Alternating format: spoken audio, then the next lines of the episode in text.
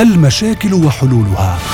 لا في حياة ولا في كهرب ولا في مية ولا في أي حاجة الله خلق على وجه الأرض تصلح إنه للشعب هذا يعيش في هذا السوق أو في هذا البلد يعني الوضع على الكل عامة قضايانا المجتمعية. وفيش بيع وفيش مشترى والسواق رايقة والبلد رايقة فيش قبضات فيش رواتب. نوافذنا الأسرية. مطالب الناس ودور المسؤولين. مين ما فيش حدا بيحس حين في نصب. حدا بيحس حين في نصب. ولكل مسؤول حاسب نفسك قبل ما نوقف قدام ربنا وربنا اللي يحاسبنا. في برنامجكم قضية الشباب. قضية الشباب.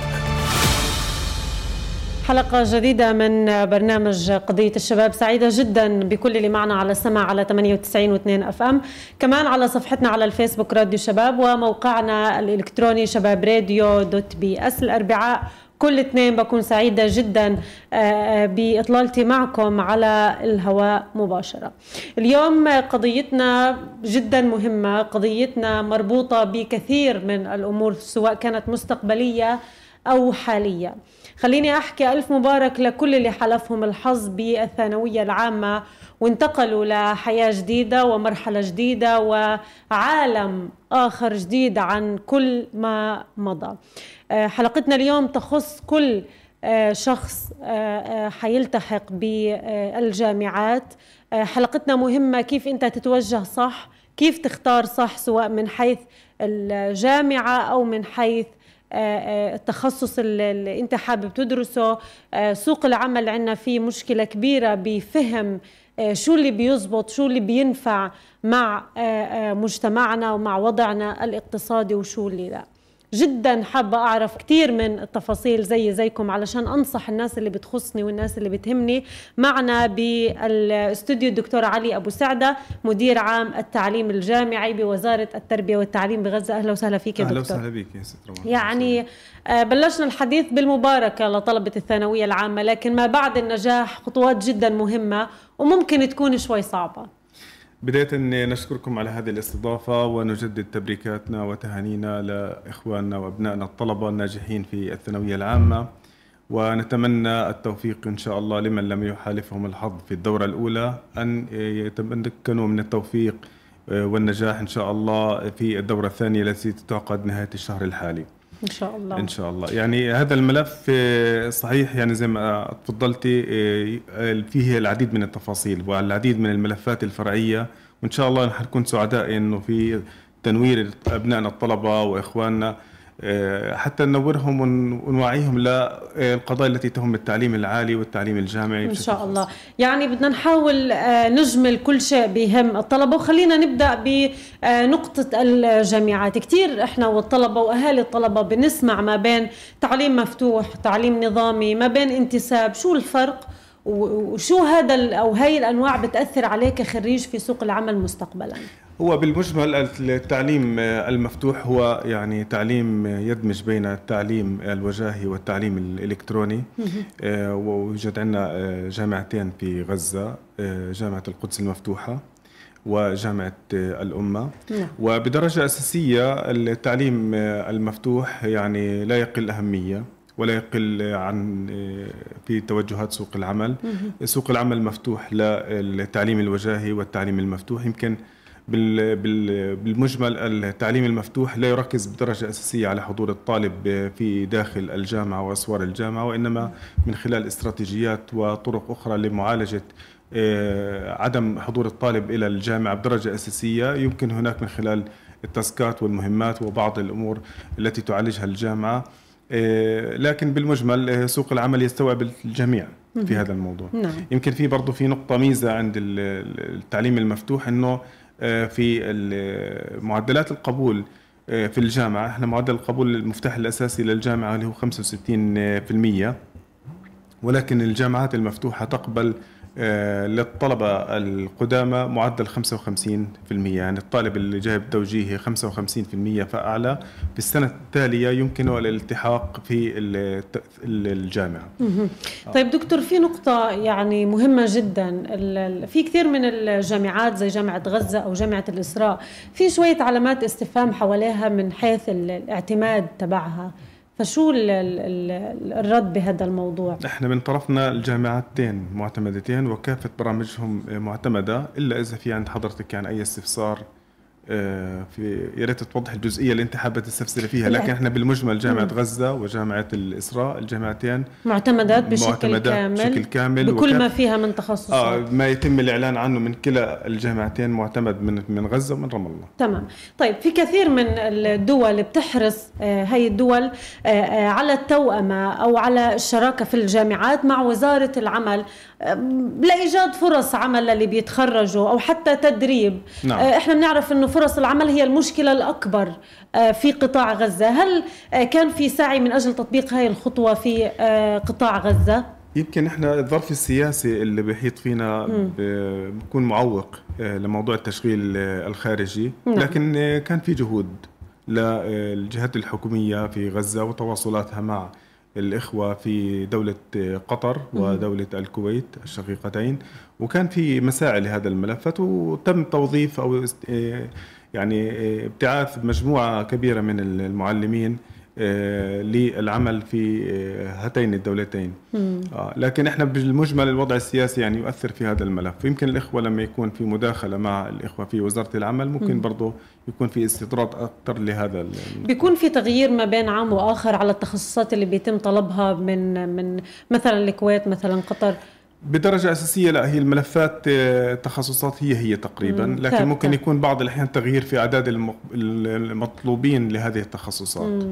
طيب من من عام لآخر زي ما بنعرف إنه أعداد الخريجين آه، بتزيد. السنة هاي بتخرج فوج بيفوت فوج بيتخرج فوج آه، بيفوت على الجامعة فوج تاني. هذا الشيء بيحتم على وزارة التربية والتعليم. يكون في موائمة للتخصصات الجامعية. طلعت آه، آه، آه، آه، تمريض وحكوا إنه في أعداد كبيرة من ال- ال- الخريجين في أعداد كبيرة ما حلفهم الحظ لإنهم يحصلوا على فرص آه، عمل. هل هذا الشيء بي بي بيخلي وزارة التربية والتعليم تركز على إنه لا لازم يصير افتتاح لتخصصات تانية لازم نسلط الضوء على إنه هذا التخصص خلص فيه اكتفاء أو آه، آه، ما راح يفيدك في آه، سوق العمل مستقبلا؟ نعم. آه، في الواقع وزارة التربية والتعليم يعني بالتعاون مع مؤسسات التعليم العالي والإخوة في الوزارة في رام الله يقوموا بشكل سنوي بتحديث البرامج آه، الجامعية المعتمدة في جامعات آه، الوطن.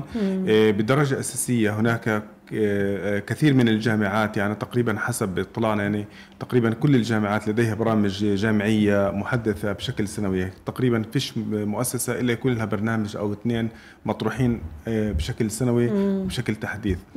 آه، النقطة الثانية آه، في بعض المؤسسات يقوموا بتجميد بعض البرامج بشكل ذاتي. يعني المؤسسة التعليمية التي ترى إنه اقبال الطلبة بدأ يقل على هذه التخصص. ممكن تبدأ تقليل. الأعداد أو تجمده بشكل مؤقت أو بشكل دائم في بعض الأحيان لأنه بعض الأحيان في عندك تخصصات آه، خلينا نحكي إنه الطاقة الاستيعابية لسوق العمل آه، تم يعني استك يعني استكمالها بدرجات كبيرة وبالتالي بيتم في فائض في. فائض كبير. لما نرجع لسؤال حضرتك برضه آه، نطلع إنه هل سوق العمل بيستوعب التخصصات هذه؟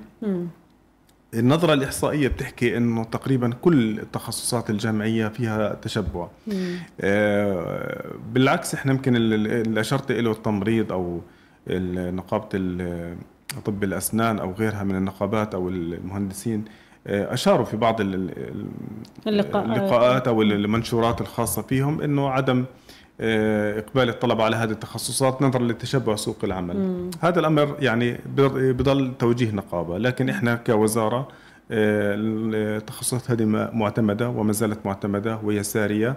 آه، من حق الطالب بدرجة أساسية أنه يختار التخصص اللي هو بده إياه حتى لو كان سوق العمل متشبع.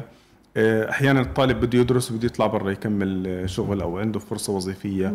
أحيانا الطالب طموحه بغض النظر عن فرصة العمل أو غيره لكن هو محتاج إنه يدرس في تخصص بعينه. اليوم النظرة العامة لسوق العمل أنه أغلب التخصصات يعني حالة التشبع ونسبة البطالة فيها عالية جدا. تمام؟ آه، يمكن التخصصات العلوم الإنسانية والإدارية وغيرها أكثر من غيرها في بعض التخصصات. لكن إحنا توجيهاتنا بدرجة أساسية يمكن حكينا في أكثر من محفل آه، إعلامي أنه خلينا نركز على التخصصات التقنية والتخصصات المهنية. التخصصات التي ترتبط بالعمل عن بعد والعمل الريادي يمكن هذه فرص ال- الالتحاق للطلبة بتساعدهم في آه، ما بعد آه، بعد التخرج في المستقبل أفضل. انه يكون في فرصة آه، يعني يكون فرصة وظيفية أعلى لأنه في النهاية الطالب بدرس وبده يخلص جامعة بده يلاقي فرصة عمل صحيح. انه الوظيفة العامة أو الوظيفة الحكومية أو بعض ال- المؤسسات الخاصة قدرتها الاستيعابية على استقطاب الموظفين بعد التخرج الطلبة آه، حيكون محدودة.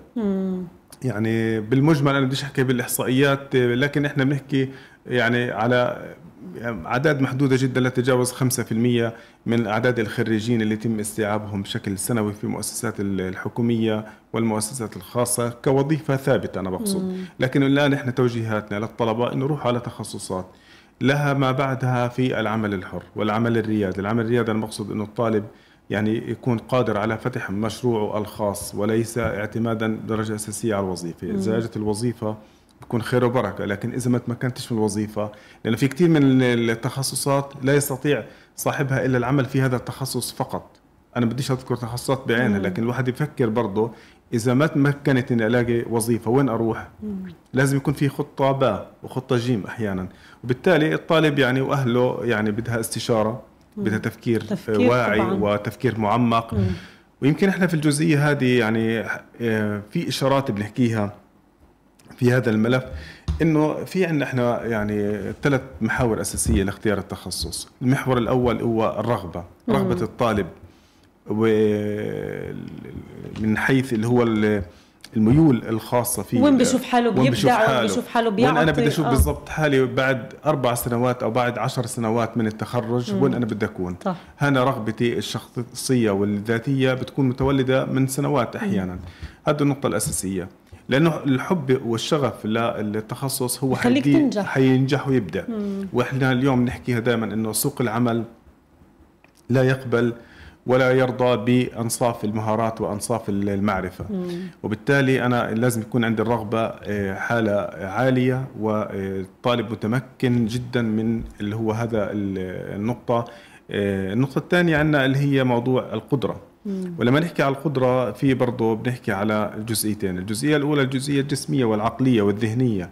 إنه في تخصصات يعني ترند بتلاقي مثلا تخصص X تخصص X هذا الاسم حلو وجذاب وفرصة عمله كويسة. ولكن هل أنا قدراتي لأن في- تسمح إنه تسمح إن أنا أفوت هذا التخصص. الشغلة الثانية هل تخصصي العلمي أو أدبي أو صناعي أو تجاري أو غيره هل بيسمح لي إن أفوت التخصص هذا ولا لا؟ إنه في بعض الدول مثلا تقبل الطالب لو طلع من غزة ممكن يقبلوه بيرجع على غزة بيصطدم إنه لا شهادتك فيها مشكلة. بالتالي إحنا قدرتنا آه، قدرة الطالب على إنه القدرات العقلية والجسمية آه، في هذا الملف. القدرة الشغلة الثانية القدرة القدرة المالية. يعني في طلبة مثلا بده يدخل تخصص يعني نوعي والتخصص هذا سعر الساعة تبعه عالي جدا عشر أضعاف أو خمس أضعاف للتخصصات الثانية لكن ما عنده القدرة المالية. ففي إحنا كمان شوي حنحكي عن موضوع المنح. الوزارة بالتعاون مع الإخوة في رام الله بيقدموا العديد من المنح في هذا الموضوع وكثير من المؤسسات أو الجامعات تقدم منح أو غيره. وبالتالي آه، إذا كان في فرصة المنحه بيكون كويس لو- لو ما كان في منحه بقى ممكن أدبر حالي فصل طب وبعدين؟ وبعدين صح. آه. فالنقطة الثانية اللي هي القدرة، الجزئية الأخرى المحور الثالث اللي هو الفرصة. فرصة العمل فيما بعد. يمكن إحنا دائما بنجمعها هذه في كلمة رفق. آه رغبة وفرصة وقدرة. ال- الفرصة آه بدي يكون عندي أنا آه بعد الانتهاء من الدراسة ليس فقط إني أحتفل في التخرج من الجامعة وأعلق الشهادة في البيت و...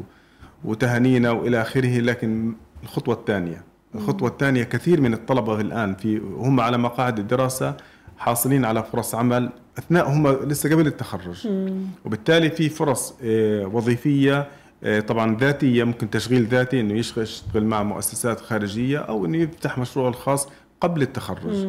فما بالك بعد التخرج؟ آه، فرصتك بتزيد كل ما كانت عندك نقطتين. النقطة الأولى أنه المهارة الأساسية عندك في تخصصك أنها تكون مهارة عالية. أنا زي ما حكيت أنه سوق العمل لا يقبل بالأنصاف. بالتالي أنت بدي يكون عندك أو عندك اللي هو المهارة العالية جدا والاحترافية في التخصص. والنقطة الثانية المهمة جدا جدا اللي هي اللغة الإنجليزية. اللغة الإنجليزية هي مفتاح العمل. اليوم لو فتحنا بعض المنصات التشغيل عن بعد يعني من يومين كنا لسه بن- بنناقش الموضوع في بعض المنصات فيها 14 مليون تاسك يعني مهمة عمل. تمام؟ الآن مش معقول أنا مخلص يعني في تخصصات في عائلة التخصصات هذه ما عنديش يعني خمس أو عشر تاسكات ممكن أقوم فيها. طبعا التاسكات هذه أو المهمات تتجدد. أحيانا بتكون آه، فرص شبه دائمة تمتد لأشهر أو أكثر أو بتكون عبارة عن أسبوع أو أقل. المقصد إنه في في فرص. لكن الفرص كل هذه كلها تعتمد بدرجه أساسية إنه يكون الطالب أو الخريج عنده مهارة اللغة الإنجليزية. هي مفتاح العمل عن بعد بدرجة أساسية. يعني المهارات لا تقل أهمية عن التخصص اللي أنت بدك تفوته. مهارة اللغة الإنجليزية صحيح. المهارات الحاسوبية صحيح. آه، شغلات مدعمة للتخصص. في حين يعني خانتك الظروف وفرص العمل يكون لك مخرج آخر آه، بدل عن التخصص اللي أنت دايس فيه. بالضبط. تمام بالضبط. طيب. لو بدنا نحكي عن مفاتيح التنسيق والقبول واختلافها من عام لآخر بناء على ماذا؟ كيف بيتم تحديدها واختيارها؟ تمام. آه، بالنسبة لمفاتيح ال- القبول آه، والتنسيب للتخصصات يتم إقرارها من المجلس التعليمي الأعلى آه، برئاسة معالي وزير التعليم العالي والبحث العلمي. آه، الدكتور محمود أبو مويس. آه، طبعا آه، هذا ال- التنسيب آه، يأتي للوزراء ويتم تعميمه على آه، مؤسسات التعليم العالي. تقريبا مفاتيح العام الحالي هي نفسها مفاتيح العام الماضي وهي قريبة من العام السابق. ليس هناك تغييرات جوهرية في المفاتيح ولكن هناك بعض التفاصيل الفنية داخل آه، هذا الملف. بالمجمل إحنا لكل آه، تخصص له مفاتيحه. مثلا على سبيل المثال الطب آه، 85 الهندسة وعائلاتها مثلا بتكون بحدود ال 80 آه، في بعض التخصصات بيكون لها تفاصيل لكن بالمجمل مفتاح القبول لدرجة البكالوريوس آه، 65% آه، أي طالب آه، معدله أقل من 65% لا يحق له الدخول لدرجة البكالوريوس ولكن لا يحق له الدخول للدبلوم دبلوم. من الدبلوم من 50 أي هي علامة النجاح. لكن بعد هيك ممكن أنه يستطيع التجسير تجسير. تجسير يعني بعد ما يخلص الدبلوم بشروط معينة ودرجات معينة يحق له الإكمال في درجة البكالوريوس. طبعا مع بعض الشروط اللي هي موضوع التناظر إنه يكون في نفس المسار الخاص بالتخصص تبعه. آه، الوزارة ب- في العادة بتحدد اللي هو الحد الأدنى. إحنا بنحكي مثلا اليوم الطب 85 هذا الحد الأدنى إلى المفتاح الآن الجامعات على سبيل المثال بتلاقي عندنا بعض الجامعات في غزة بحط 95 أو 96 مفتاح القبول يعني الوزارة للطب. بتحط الحد الحد الأدنى والجامعة لها حرية بالضبط. الاختيار من بالضبط. من من أي تخصص آه من بناء أي على إيش؟ بناء على معدلات الطلبة في الثانوية العامة اللي معدلات الامتياز ودراستهم لسوق ال ال ال الخاص بهذا التخصص سواء السوق الخارجي أو الداخلي هم تقديرات الجامعات. هذا أمر يخص المؤسسة التعليمية إنها تقدر مفتاح القبول المناسب لها لأنه الجامعة بالنهاية معنية أنها تستقطب أفضل. الطلبة ويكون افضل المعدلات. لكن هنا في شغلة مهمة برضه أنا أحب أشير لها لأنه بصراحة إحنا من واقع العمل عندنا وجدنا عدة إشكاليات. آه، في بعض الأحيان الطلبة بيطلعوا على عاتقهم الشخصي. بيسافروا برا البلد. في دول عربية وأجنبية. تقبل أقل من أقل من هذا مفتاح كنت الوزارة. نقطة مهمة كنت حابة أحكي صحيح. فيها مم. وإحنا صحيح أنا عندي على يعني على الطاولة في أكثر من ملف لطلبة أنهوا دراسة الطب تمام ومعدلاتهم كمان مش أقل من 85 لا أقل من 65 مم. كيف بيتم التعامل معهم من. قبل الوزارة بعد عودتهم آه، إحنا الوطن؟ يعني ال- القانون واضح في هذا الموضوع والنص القانون صادر عن آه، تشريع مجلس الوزراء بالتالي هذا ال- الأمر لا يمكن اللي هو التعامل معه يعني أي شهادة في هذا الموضوع لا يمكن النظر إلها وبالتالي الطالب خلينا نحكي إنه يعني خسر جهد سنين طويلة وتعب ومال في مقابل إنه عدم الالتزام بقوانين التعليم العالي يعني. ببساطة لن يتم الاعتراف بشهادته صحيح. الجامعية إذا كان معدله آه، آه، أقل مت- من مفاتيح الوزارة. حلو. تمام. هذه نقطة مهمة. إحنا صحيح يعني في الوزارة بعد إعلان نتيجة الثانوية العامة بثلاث أو أربع أيام نعم. أصدرنا تنويه. آه، مهم على موقع الوزارة وأرسلنا رسائل SMS لكل الطلبة ذوي العلاقة في الملف هذا اللي معدلاتهم أقل من 85 تمام؟ ارسلنا لهم رسالة تنويه إنه انتبهوا ما تروحوا لدراسة آه، تخصصات أقل مفاتيحها تكون أقل من مفاتيح الوزارة لأنه حتفقدوا حق الاعتراف بالشهادة. هذا شيء أكيد واضح وثابت. صحيح. صحيح يعني أي شخص بيتوجه لدراسة مثلا الطب آه، آه، في دولة تانية بتقبل معدل أقل من مفاتيح القبول في الجامعات في قطاع غزة. أيا كانت شهادته لن يتم الاعتراف فيها من قبل وزارة التربية والتعليم في قطاع غزة. صحيح. هذا شيء ثابت. قطاع غزة والضفة إحنا بنحكي على فلسطين بشكل كوزارة بشكل التربية والتعليم. نعم. صحيح. لأنه في كتير توجهات من قبل الطلاب. آه والله بدي أروح أدرس مثلا في الجزائر أصله بياخذوا مثلا الطب من 70% إذا رجع هذا غير لا معترف لا غير فيه. معترف فيه وإحنا ب... أنا بحكي لك وباكد على النقطة هذه انه في عندنا أكثر من طالب انهوا دراسة الطب ولن يتم النظر ل اللي هو الشهادة يعني ما. بيكون لهم فرص في بلدهم لا، ما لا. بيكون لهم تغيير في بلدهم آه، نهائيا. الحل الوحيد اللي موجود يعني أمامهم إنه العمل في الخارج. تمام؟ أو في المستقبل إذا طبعا هذا في علم الغيب. إذا تم هذا يا دكتور القانون من. متى تم إصداره؟ ومن آه، تقريبا من سنة ال- ال- المفتيح الخاصة بالطب من حوالي سنة 98 من ال 98 لليوم؟ عفوا أنا أنا آسف اللي من 2018 18 2018 تمام. طيب آه، دكتور ليه بيتم آه، آه، وضع مفاتيح القبول للبنات؟ هذا سؤال يختلف عن الشباب. مثلا مثلا نفترض إنه الطب للبنات 85 للشباب مثلا 80 ما في- فمن من إحنا كوزارة بنميزش بين الجنسين. لا هي المفتيح ولا بناء على النجاح في في هذا ممكن. أنا زي ما حكيت لك يعني ممكن هذا الأمر يخص يرجع للمؤسسة. لكن أنا لا أذكر إنه في مؤسسة تعملت بالتمييز. بين اللي هو الذكور والإناث. موجود يا دكتور إنه مثلا آه، 80 للطب في مثلا ال- البنات. أعتقد المعدل البنات بيكون أعلى من معدل ما أنا الشباب. بحكي لك إنه هذا الأمر بيرجع. البنات للمؤسسة. 97 صحيح. الشباب 95 لأنه نسب الامتياز أو المعدلات العالية جدا. بتكون أكثر في ال- الإناث.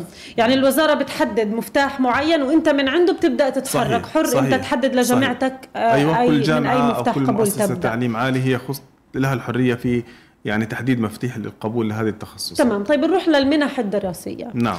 آه شيء مهم جدا. في كثير من الطلاب اجتهدوا في كثير من الطلاب حاولوا وعافروا وتعبوا وما ناموا. شغلات كثير شفناها على مواقع التواصل الاجتماعي. آه آه وبيسألوا المنح الدراسية اللي بيتم إقرارها كيف بيتم اختيار طلابها؟ بناء على إيش أنا بختار الطالب هذا عن هذا؟ آه في عنا شؤون اجتماعية في عنا كذا في عنا كذا فالوزارة شو بترد على هاي التساؤلات؟ تمام.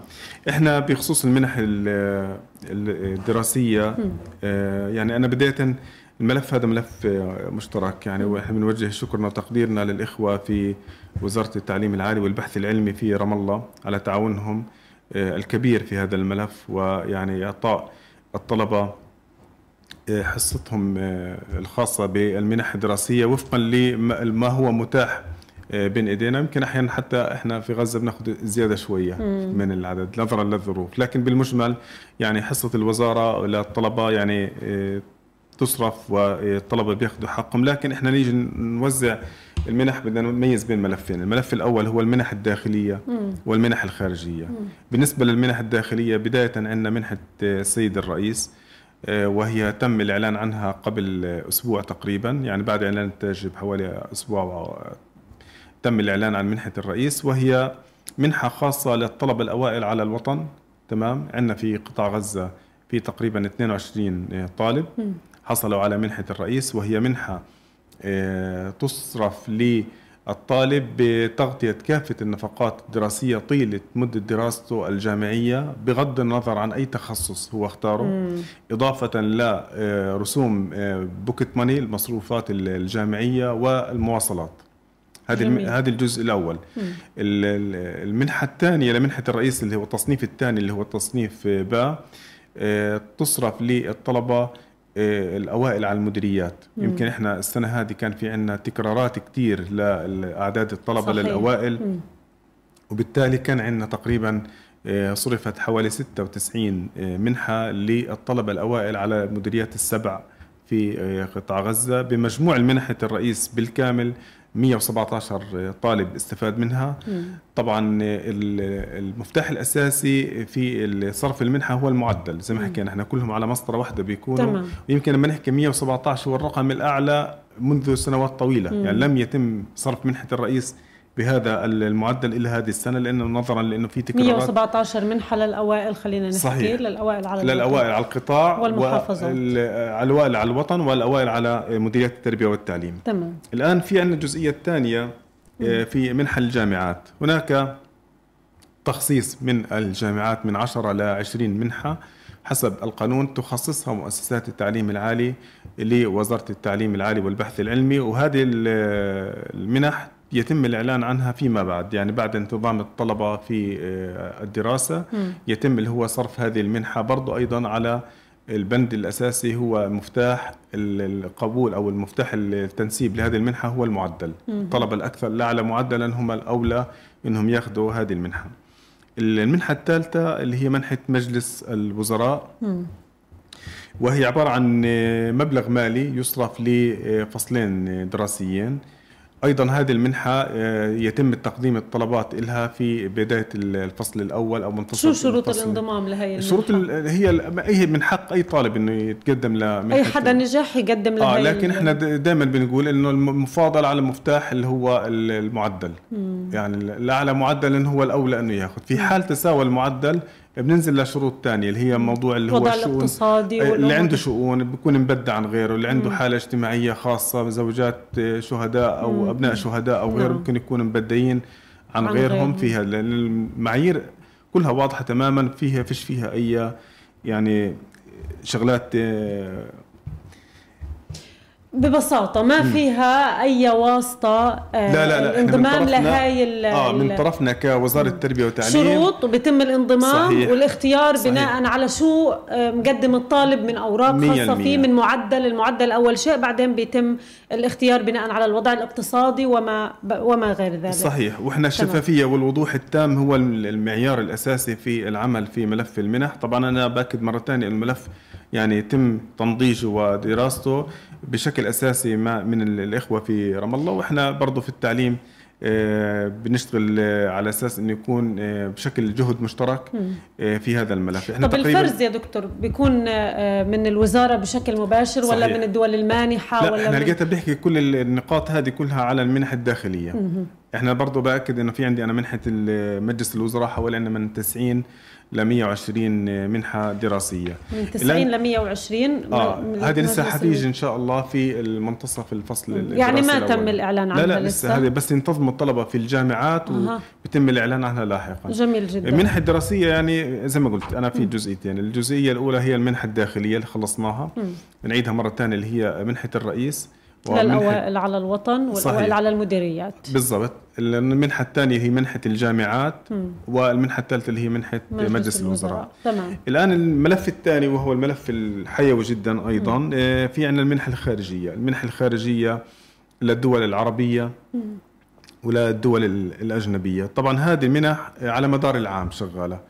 لدرجتي آه، أو لدرجات البكالوريوس والماجستير والدكتوراه. المنح هذه تقريبا عندنا تق... في السنة حوالي من 500 ل 700 منحة. يعني ل 700 طالب يستفيد منها من 500 ل 700 طالب يستفيد على مدار العام؟ على مدار العام. آه، تم الإعلان مؤخرا عن آه، منحة الأزهر الشريف ومنحة تونس والمغرب آه، وموريتانيا. وهدول اللي تم الإعلان عنهم من بعد إعلان النتائج الثانوية العامة لحتى اللحظة. هي أغلبها منح يعني أو كلها تركز على البكالوريوس وبعضها يركز على الماجستير. خلال الفترة المقبلة إن شاء الله خلال يعني الأيام والأسابيع المقبلة سيتم الإعلان عن باقي المنح آه، الدراسية للدراسة بالخارج منها منحة كوبا وتركيا ومصر والأردن وصربيا وهنغاريا والجزائر وبعض الدول الأخرى. هذه المنح طبعا تأتي تباعا حسب التنسيقات الإعلان من- عن هي المنح عبر صفحة الوزارة ولا كيف بيتم؟ صحيح. إحنا الإعلان عن هذه المنح آه، بيتم درجه أساسية في وزارة التعليم العالي والبحث العلمي في الصفحة الخاصة بالمنح الدراسية وصفحة الفيسبوك الخاصة بوزارة التربية والتعليم العالي في غزة. وأيضا بعض وسائل الإعلام إحنا بنعمم هذه الإعلانات دائما على وسائل الإعلام ممكن الطلبة إنه يتابعوها بشكل مستمر. تمام خلينا بس نأكد قبل ما نروح لفاصل قصير نأكد على مجموعة من النقاط المهمة اللي تفضل فيها الدكتور علي أبو سعدة مدير عام التعليم الجامعي بوزارة التربية والتعليم. أول نقطة أي شهادة جامعية حصل عليها صاحبها ودرس في الخارج بمفتاح قبول أقل من مفتاح القبول في فلسطين لن يتم الاعتراف بهاي الشهادة وهذا شيء واضح وثابت وما في أي تغيير. المنح الدراسية تم الإعلان عن مجموعة من المنح منحة آه، آه، آه، الرئيس لأوائل الوطن والأوائل على المديريات ومنحة مجلس الوزراء. سيتم الإعلان عنها بالفترة المقبلة. وكمان المنح الخارجية. هناك مجموعة من المنح الخارجية نعم. سيتم الإعلان عنها آه، آه، مستقبلا أو في القريب العاجل. آه، هاي المنح سيتم الإعلان عنها عن طريق صفحة الوزارة الصفحة الخاصة بالمنح الدراسية وعبر وسائل الإعلام. مجموعة من المنح بيأكد الدكتور علي أبو سعدة أنه سيتم الإعلان عنها قريبا. سنتابع في حلقة سوق العمل وانعكاساته على اختيار الطالب للتخصص الجامعي. الجماعي المناسب له لكن بعد هذا الفاصل القصير ابقوا معنا. المشاكل وحلولها. لا في حياة ولا في كهرب ولا في مية ولا في أي حاجة الله خلق على وجه الأرض تصلح إنه للشعب هذا يعيش في هذا السوق أو في هذا البلد. يعني الوضع على الكل عامة قضايانا المجتمعية. وفيش بيع وفيش مشترى وسواق رايقة والبلد رايقة فيش قبضات فيش رواتب. نوافذنا الأسرية مطالب الناس ودور المسؤولين. مين فيش حدا بيحس حين في نصب. حدا بيحس حين في نصب. ولكل مسؤول حاسب نفسك قبل ما نوقف قدام ربنا وربنا اللي يحاسبنا. في برنامجكم قضية الشباب. قضية الشباب.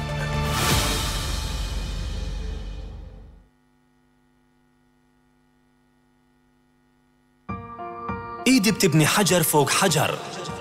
وبنعلي بسواعدهم هالوطن. بالحرب تلاقيهم على السلالم فوق. صلبة عزيمتهم ما تعرف وهن. لعمالنا ألف سلام وتحية. ومن راديو الشباب أحلى لحن. المشاكل وحلولها. لا في حياة ولا في كهرب ولا في مية ولا في أي حاجة. الله خلق على وجه الأرض. تصلح إنه للشعب هذا يعيش في هذا السوق أو في هذا البلد. يعني الوضع على الكل عامة قضايانا المجتمعية. وفيش بيع وفيش مشترى وسواق رايقة والبلد رايقة. فيش قبضات فيش رواتب. نوافذنا الأسرية مطالب الناس ودور المسؤولين. مين فيش حدا بيحس حين في نصب. حدا بيحس حين في نصب. ولكل مسؤول حاسب نفسك قبل ما نوقف قدام ربنا وربنا اللي يحاسبنا. في برنامجكم قضية الشباب. قضية الشباب. من جديد أهلا وسهلا فيكم متابعينا ومستمعينا الكرام على 98 و2 FM. كمان على صفحتنا على الفيسبوك راديو الشباب وموقعنا الإلكتروني شباب راديو dot PS. حلقة مهمة جدا آه، لطلاب آه، التوجيهي اللي بدهم ينتقلوا لمرحلة جديدة من حياتهم يبلشوا يختاروا التخصص اللي هم حابينه الجامعة اللي هم آه، حابينها. لكن ما علينا إلا إنه إحنا نوضح لهم شو حقيقة الواقع اللي هم بدهم يروحوا له كيف يختاروا تخصصهم وطبعا كامل الحب والاحترام لاختيارهم لشو بدهم ينضموا وشو بدهم يدرسوا لكن لازم إحنا نوضح لهم شو اللي موجود. معنا بالأستوديو نرجع نرحب بضيفنا دكتور علي أبو سعدة مدير عام التعليم الجامعي بوزارة التربية والتعليم بقطاع غزة. دكتور معنا عبر الخط الهاتفي المهندس أحمد النبريس مدير تنمية التشغيل بوزارة العمل بغزة. مهندس أهلا وسهلا فيك. أهلا وسهلا فيكم. آه، بس مهندس يعني آه، الحديث واضح لطلاب الثانوية العامة حول التخصصات آه، الجامعية وموائمتها مع سوق العمل. خلينا بوضوح كبير نحكي عن واقع سوق العمل اليوم. كيف تنصح الطلبة المقبلين على الدراسة الجامعية والطلبة الخريجين؟ تمام يعطيكم العافية على تنظيم هذه الحلقة المفيدة جدا. صحيح الدكتور. أهلا وسهلا بالمستمعين إحنا في آه، وزارة العمل آه، عندنا برنامج اسمه برنامج بيانات قوى العمل الفلسطينية نعم هذا البرنامج بنسجل فيه كل البيانات الخاصة بالمواطنين الباحثين عن عمل م. ولما نتكلم عن مجموعة أرقام وحقائق خلينا نحكي عن آه الآتي م. اولا إحنا عندنا في أكثر من 350 ألف مواطن نعم. مسجلين بياناتهم على موقع وزارة العمل الفلسطينية برنامج بيانات قوى العمل.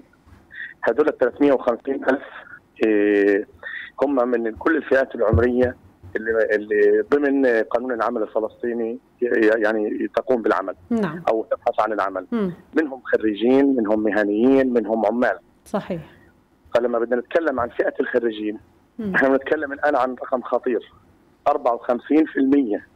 من هذه البيانات هم البيانات تابعة لخريجين من الجامعات والكليات المحلية. مم. تمام؟ تمام. هذا الرقم كبير جدا. وهو طبعا ممكن يحاكي ال- الإحصاءات الرسمية اللي بتتكلم عن نسبة البطالة واللي تخطت نسبة 46% وزادت عن نسبة 70% بين فئة الشباب. نعم. واللي هي تقريبا هي بنحكي عن فئة الخريجين. إيه، لما بنيجي إحنا نحلل هذه البيانات بنجد عندنا إنه أكثر المسجلين على بيانات سوق العمل الفلسطيني من فئة الخريجين. هي التخصصات بعينها.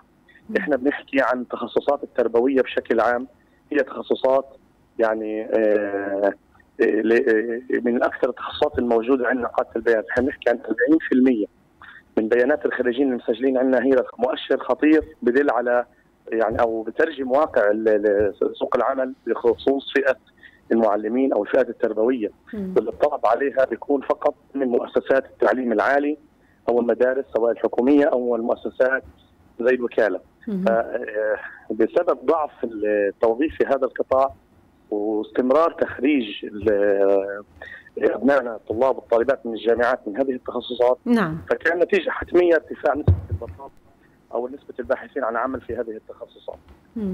نتكلم أيضا عن تقريبا نسبة تخطت ال 20% بقليل عن التخصصات الإدارية. نعم. التخصصات الإدارية والاقتصادية نحكي عن إدارة الأعمال والمحاسبة برضه نسبة كانت مرتفعة إلى حد بعيد آه، خصوصا برضه مع وجود آه، آه، يعني واقع القطاع الاقتصادي الخاص. واللي هو من أكبر المشغلين لهذه الفئة بالذات نحكي عن محاسبين واداره اعمال وسكرتاريا والأمور هذه. نعم. فبرضه التوظيف القطاع الخاص في الجانب هذا لا يعتبر توظيف قوي رواتب مستوياتها متدنية وضعيفة وبالتالي بضل المواطن بصفته باحث عن عمل. لا إحنا لما بنحكي عن ال- البيانات هذه إحنا بنحكي مش عن فراغ. إحنا يعني نقدر انه إحنا نشجع الطلاب والطالبات اللي خلصوا من توجيهي إنهم يروحوا يسجلوا أو ما يسجلوش. في النهاية هو صاحب القرار. صحيح. هو بينظر لهذه المعلومات ولازم يحللها. قبل الاستعجال وكمان أولياء الأمور قبل الاستعجال في تسجيل أبنائهم في الكثير من التخصصات لازم يطلعوا كويس على نتائج ورش العمل والمؤتمرات اللي نفذتها وزارة العمل بالتعاون مع العديد من الجهات الحكومية. نعم. وخصوصا وبشكل يعني أكبر لوزاره التربية والتعليم ديوان الموظفين إحنا يا لغايه امس وإحنا في ملتقى تربوي مع وزارة التربية والتعليم وكان في عندنا مجموعة من الحلقات الإرشادية للطلاب والطالبات. كان في عندنا يوم دراسي بيتكلم عن يعني قدمنا فيه ورقتين عمل مع ديوان الموظفين. نعم. واللي بيعالج مشكلة فجوة المهارات اللي في ال- وال- والتخصصات والمؤهلات اللي موجودة في الجامعات الفلسطينية في قطاع غزه مع متطلبات سوق العمل ورؤيتنا نحو المستقبل. نعم. طيب يعني باشمهندس حضرتك بتحكي عن حقائق واضحة وحقائق موجودة والأرقام لا تكذب خلينا نحكي. طب اليوم الطالب علشان يوازن آه، ما بين اختياره آه، آه، لتخصصه الجامعي مع سوق العمل شو بتنصحه؟ شو بتحكي له؟ آه، كيف يتوجه صح علشان ما يوقع بفخ خلينا نحكي البطالة والوضع السيء اللي إحنا بنعيشه؟ تمام. إحنا ما بنقدرش نتكلم فقط عن الطلاب الجداد اللي طالعين من اللي خلصوا توجيهي ومتوجهين والخريجين طبعا الجامعي. نعم إحنا بنتكلم لفئة كبيرة جدا وهي مم. من أهم الفئات في قطاع زي فئة الشباب. مم. الموضوع مش سهل إحنا بلدنا بتعاني من كثير مشاكل سياسية واقتصادية بدناش نقول إنه إحنا فقط عندنا حصار إحنا عندنا احتلال إحنا عندنا مشاكل ولكن أيضا مشكلة البطالة هذه موجودة في كل دول العالم صحيح وإذا بدنا نضلنا نقول حصار وبطاله مش حنخلص إحنا. بدنا نتكلم الآن عن حلول. الحلول بتحكي واقعها بتكلم إنه فرص العمل هي لمن يستحق. لازم شبابنا وإخواننا الخريجين والخريجات يثابروا وما يستسلموا لواقع ال- ال- البلد الموجود في عندنا كثير فرص متوفرة نعم ولكن الأشطر والأفضل عشان هيك نكون من الأشطر والأفضل والأقوى. لازم نضلنا دائما حريصين على اكتساب المهارات نعم لازم نكون دائما حريصين على اكتساب خبرات جديدة وتنويعها آه، خصوصا في مجالات اللغة الإنجليزية في مجالات المهارات الحياتية في مجال مهارات الكوميونيكيشن والأمور هذه. نعم. لازم الشخص يكون مؤهل بحد ذاته. الشخص اللي ممكن يجد نفسه عنده ضعف وفرص العمل بالنسبة له كوظيفة ضعيف أمامه خيارات كثير متاحة. إحنا عندنا برامج في وزارة العمل بتعالج موضوع التشغيل الذاتي. إحنا مش كله لازم يكون تشغيل باجر اسوه بكل دول العالم. إحنا في عندنا موضوع المشاريع الصغيرة بنحاول نعززه نعم. في عندنا عدة صناديق حكومية بهذا الخصوص غير المؤسسات المجتمع المدني اللي بتشتغلها لازم الشخص يستفيد كويس ويستثمر أي فرصة تجي لانشاء مشروع صغير ونحاول إنه أيضا يعني يوفر كل المتطلبات اللي موجودة عنده كشخص إنه ينجح. بالإضافة لموضوع مهم جدا وأساسي إحنا بنعتبره استراتيجي هو موضوع العمل عن بعد. موضوع العمل عن بعد موضوع واعد جدا وإحنا كوزارة بنتجه بسياسة باستهداف التخصصات اللي فيها نسبه بطاله عالية جدا علشان خاطر نوفر لهم بدائل يعني تخصصات التعليم والتربية. بما إنها تخصصات عالية جدا في نسب البطالة نعم. فاحنا بنحاول نبحث لهم عن حلول نحو التعليم عن بعد والتدريب عن بعد. ونفذنا عدة برامج بالخصوص وفيها نسب نجاح مبهرة ورائعة جدا. خصوصا نتكلم عن برنامج ويستار واللي شغال حاليا يعني في مراحله الأخيرة. خرجنا مجموعتين لهم علاقة بالتدريب والتدريس عن بعد. لما بنتكلم عن مواضيع المحاسبه إحنا أيضا خصوصا هذه التخصصات أعطيناها أكثر فرصة لاستهداف أكثر عدد ضمن هذه البرامج التدريبية. نعم. خرجنا مجموعتين كاملات في موضوع المحاسبين المحاسبة السحابية هذه المحاسبة السحابية يعني هو بيشتغل محاسب لشركات خارجية أو لمؤسسات خارجية، هذه بتتيح له فرصة إنه يشتغل عن بعد، موضوع العمل عن بعد محتاج اكتساب مهارات إضافية، محتاج مهارات لغة، محتاج مهارات التعامل مع المنصات والزبائن الخارجيين. يعني يعني ما نقصده إنه كل دول العالم فيها بطالة ولكن الاستسلام لهذه البطالة هذه كارثة كبرى. صح. البحث عن حلول هو الطريق الوحيد أمام الشخص. نعم. لازم. وأثناء تعليمه الجامعي في المراحل المقبلة وهذه نصيحتي للطلبة والطالبات اللي حيلتحقوا بالجامعات والكليات إنهم ما يقتصر تعليمهم واكتساب مهاراتهم فقط على ما تعطيه أو ما تقدم لهم الجامعة صح. لازم ينوع لازم يعتبر إنه سوق العمل مفتوح متطلباته صعبة جدا متطلباته تحتاج لتميز في الشخصية مم. وفي المهارات الاجتماعية والمهارات المعرفية والمهارات التقنية لازم يخصص لنفسه وقت لكل هذه المهارات نعم. واكتسابها. فرصته أمام من سنتين لأربع سنين انه يكسب مهارات في كل هذه الجوانب مبدوءة بمهارات اللغة الإنجليزية لأنه هي لغة العصر وهي اللغة اللي حتفتح له آفاق شديدة وكبيرة صحيح. سواء في السوق المحلي أو الدولي. صحيح. آه، باشمهندس أحمد نبريس مدير تنمية التشغيل بوزارة العمل بغزة كان معنا عبر الخط الهاتفي مشكور جدا. يعني آه، دكتور النصيحة جمل. ونصيحة لها الوقت الصحيح علشان أنا آه، أنصح فلان أو أنصح الطالب الفلاني أو عائلته حتى. آه، ما قبل الثانوية العامة شو دور وزارة التنمية من جلسات توعية سواء كان للأهالي أو للطلاب علشان يعرف يوجه فكره صح لحتى يختار فيما بعد صح؟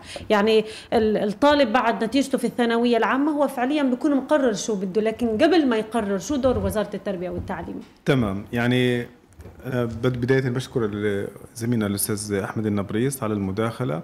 يمكن في تقاطعات كثير مشتركة بين الكلام اللي حكيناه واللي أشار إليه المهندس أحمد. آه، فيما يتعلق في آه، جهود الوزارة في الإرشاد والتوجيه يعني خلينا نقسمه لقسمين ما قبل اللي هو مرحلة الثانوية العامة وما بعدها. نعم. ما قبلها إحنا في جهود كثيرة يقوم بها الإخوة الزملاء المرشدين التربويين. في توجيه الطلبة وإرشادهم نحو اختيار المسار الأكاديمي. نعم. المسار الأكاديمي نقصد فيه علمي أو أدبي أو تقني أو أو إلى آخره. بالتالي هذه بتدي يعني آه، فرصة للطالب إنه فرصة مبكرة من الصف العاشر وما قبل الصف العاشر إنه يعرف إيش المسارات اللي أمامه مفتوحة. وإحنا دائما توجيهاتنا في الوقت الحالي إنه التركيز على مسارات التقنية أو المسار العلمي مم. المسار العلمي آه، بيكون عنده أفق أوسع أوسع. بكثير لاختيار التخصص الجامعي فيما بعد مم. أيضا المسار التقني مهم جدا وهي آه، من المسارات المهمة جدا التي تتبناها وزارة التربية والتعليم العالي في إحداث نقلة نوعية في الخريجين اليوم عندنا المسار التقني صار في عندنا في آه، مرحلة الحادي عشر والتوجيهي. أصبح الطالب قادر على دراسة التوجيهي آه، ويب أو آه، برمجة موبايل أو تصميم أو أزياء أو أو إلى آخره.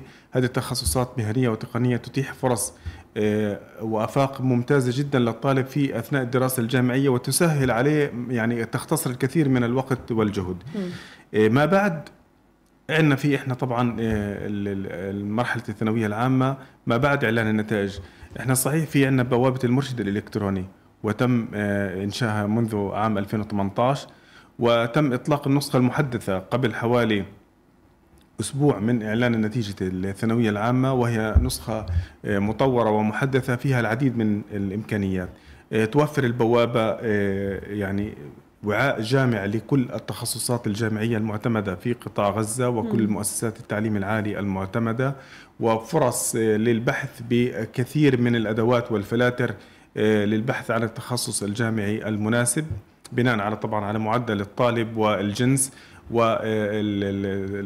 المرحلة اللي بده يفوتها اللي هو دبلوم أو بكالوريوس نعم. أيضا توفر معلومات مفصلة عن آه، تفاصيل هذا التخصص وهل يتيح فرص عمل عن بعد ولا لا لكل تخصص؟ وما سوق العمل المتوقع بعد التخرج من آه، هذا التخصص؟ أيضا يوجد في البوابة آه، اختبار هولند لقياس الميول الشخصية وهو اختبار مهم جدا إنه من 60 فقرة من خلاله الطالب يستطيع تعبة الاستبانة ومن بعد ما يخلص الطالب تعبة الاستبانة تظهر له الميول الشخصية الخاصة فيه وبالتالي إيش التخصصات اللي تكون قريبة من هذا الطالب؟ أيضا يوجد دليل للمنح الدراسية دليل مفصل لآليات التقدم للمنح وماهيتها وما أنواعها أيضا يوجد عندنا دليل الخدمات الطلابية للطلبة الراغبين في الدراسة بالخارج وما هي المكاتب الجامعية المعتمدة في هذا الملف. هذا نعم. جزء. الجزء الثاني إحنا يعني بالأمس أول أمس اختتمنا الملتقى الإرشادي الأكاديمي الأول الذي تقيم وزارة التربية والتعليم العالي وأقمناه في مركز رشاد الشوى الثقافي م. كان الملتقى حاضرا لكل آه، مؤسسات التعليم العالي على صعيد واحد بمشاركة من الجهات الحكومية وزارة العمل و الاتصالات وتكنولوجيا المعلومات ديوان الموظفين والنقابات ذات العلاقة نقابة الأطباء والصيادلة والمهندسين والمعلمين ونقابة تكنولوجيا المعلومات أيضا كان حاضر معنا نخبة من المختصين والمؤثرين وأصحاب الرأي والخبرة في اختيار التخصص الجامع وفي سوق العمل من خلال جلسات حوارية. الجلسات الحوارية كانت نقطة مهمة جدا ورائعة طبيعة هاي الجلسات الطلاب بيجلسوا مع مختصين بيجلسوا صحيح مع خريجين. صحيح. آه، جميل جدا. طلبة وذويهم إحنا كانت الدعوة موجهة للطالب و ولي الأمر آه، أو والدته إنها تكون موجودة معاه ويستمعوا من أهل الخبرة والاختصاص حول اختياره، كان عندنا أربع جلسات حوارية كل جلسة حوالي ساعة ونصف. استمعوا لأهل الخبرة والرأي ومن ثم كان هناك مداخلات من قبل الطلبة وكانت في غاية الروعة وهذه الجلسات مسجلة وإن شاء الله سيتم بثها قريبا بعد المونتاج والأمور الفنية على صفحة الوزارة وصفحة الفيسبوك. إذا أنا اللي بنقصده أنه كان في جهود حثيثة من قبل الوزارة وما زالت هذه الجهود طبعا مستمرة في دعم وإرشاد وإسناد أبنائنا الطلبة. توجيهاتنا أيضا لمؤسسات التعليم العالي إنه آه، عند احتضان الطالب ووصوله للجامعه أيضا إرشاده وتوجيهه نحو اختيار التخصص نعم. الجامعي المناسب داخل الجامعة. وربما بعض الطلبة لا يناسبهم بعض التخصصات وهنا يعني صحيح يعني تقوم بعض المؤسسات باختبارات لياقة واختبارات قدرات لبعض التخصصات. وهذا طبعا جهد يشكر عليه آه، المؤسسات آه، والجامعات. طيب يعني لو بدنا نوجه نهاية حديثنا نصيحة واضحة وواحدة لطلاب الثانوية العامة بالتحديد. لسه هم على البر لسه هم بيسمعوا لسه يمكن في ناس مش عارفة حالها وين بدها تروح. نصيحتك كدكتور كأب كمطلع آه، شو بتحكي لهم علشان يعرفوا يتوجهوا صح نحو الجامعات؟ آه، تفضل. بالمجمل إحنا بنحكي دائما إنه يعني استشارة أهل الاختصاص وأهل الخبرة نعم. ليس بالضرورة إنه كل ما أحب من التخصصات هي تكون الأفضل مم. لا إحنا بنحكي إنه ممكن أنت تكون ترغب في تخصص و بترغب وعندك ميول عالية جدا لهذا التخصص ولكن أفق العمل تبعته شبه مغلقة أو معدومة. معدومة. لا بدك تكون تراعي خياراتك حط خطة للخيارات للتخصصات اللي أنت بدك إياها. حط رقم واحد واثنين وثلاثة وأربعة يكون في بدائل. البديل الأول إذا كان الرغبة والقدرة والفرصة زي ما حكينا مش متوفرات الثلاثة فيه لا روح للبديل الثاني. في النهاية التخصص هو حيكون مهنتك مهنة المستقبل وحياتك وكل ما لديك. مستقبلك باختصار بالضبط. هو حيكون مستقبلك وبالتالي أنت بالذات للشباب يمكن ال- يعني ال- الشاب لأنه هو حيفتح أسرة بعد هيك. ليس من المقبول منه إنه يجازف يقول خلينا أشوف كيف الوضع. لا في بعض المهن بعد أربع سنوات أو عشر سنوات راح تكون اندثرت. صحيح. تمام؟ بدك تكون أنت مطلع على سوق ال- ال- العام. وحتى الذكاء الاصطناعي يمكن هذا في إشارة مهمة جدا إنه بعض ال أنا بديش أفوت في تفاصيل لبعض المسميات لأنه الموضوع يمكن لا يتسع لكن إحنا في بعض المهن بعد عدة سنوات راح يقل الإقبال عليها بشكل كبير وربما إنه يندثر بعض التخصصات. لا اليوم بدك تسأل وتستشير بشكل كويس من يملك الخبرة ويملك الرأي في هذا الملف. إحنا دائما بنأكد إنه ما تختارش يعني تخصص يكون في آه، تنحصر فيه فرصة فرص العمل العمل.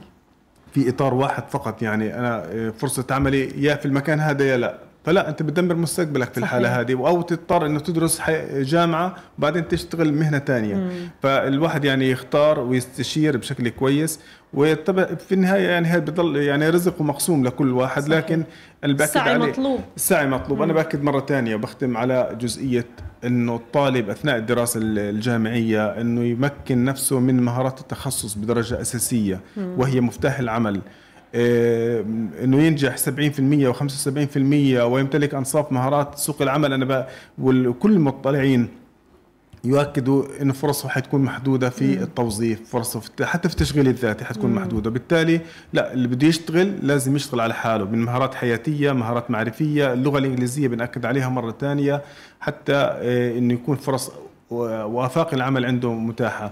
أثناء الدراسة الجامعية لا يكتفى بما تقدمه الجامعة. الجامعة تعطي جزء.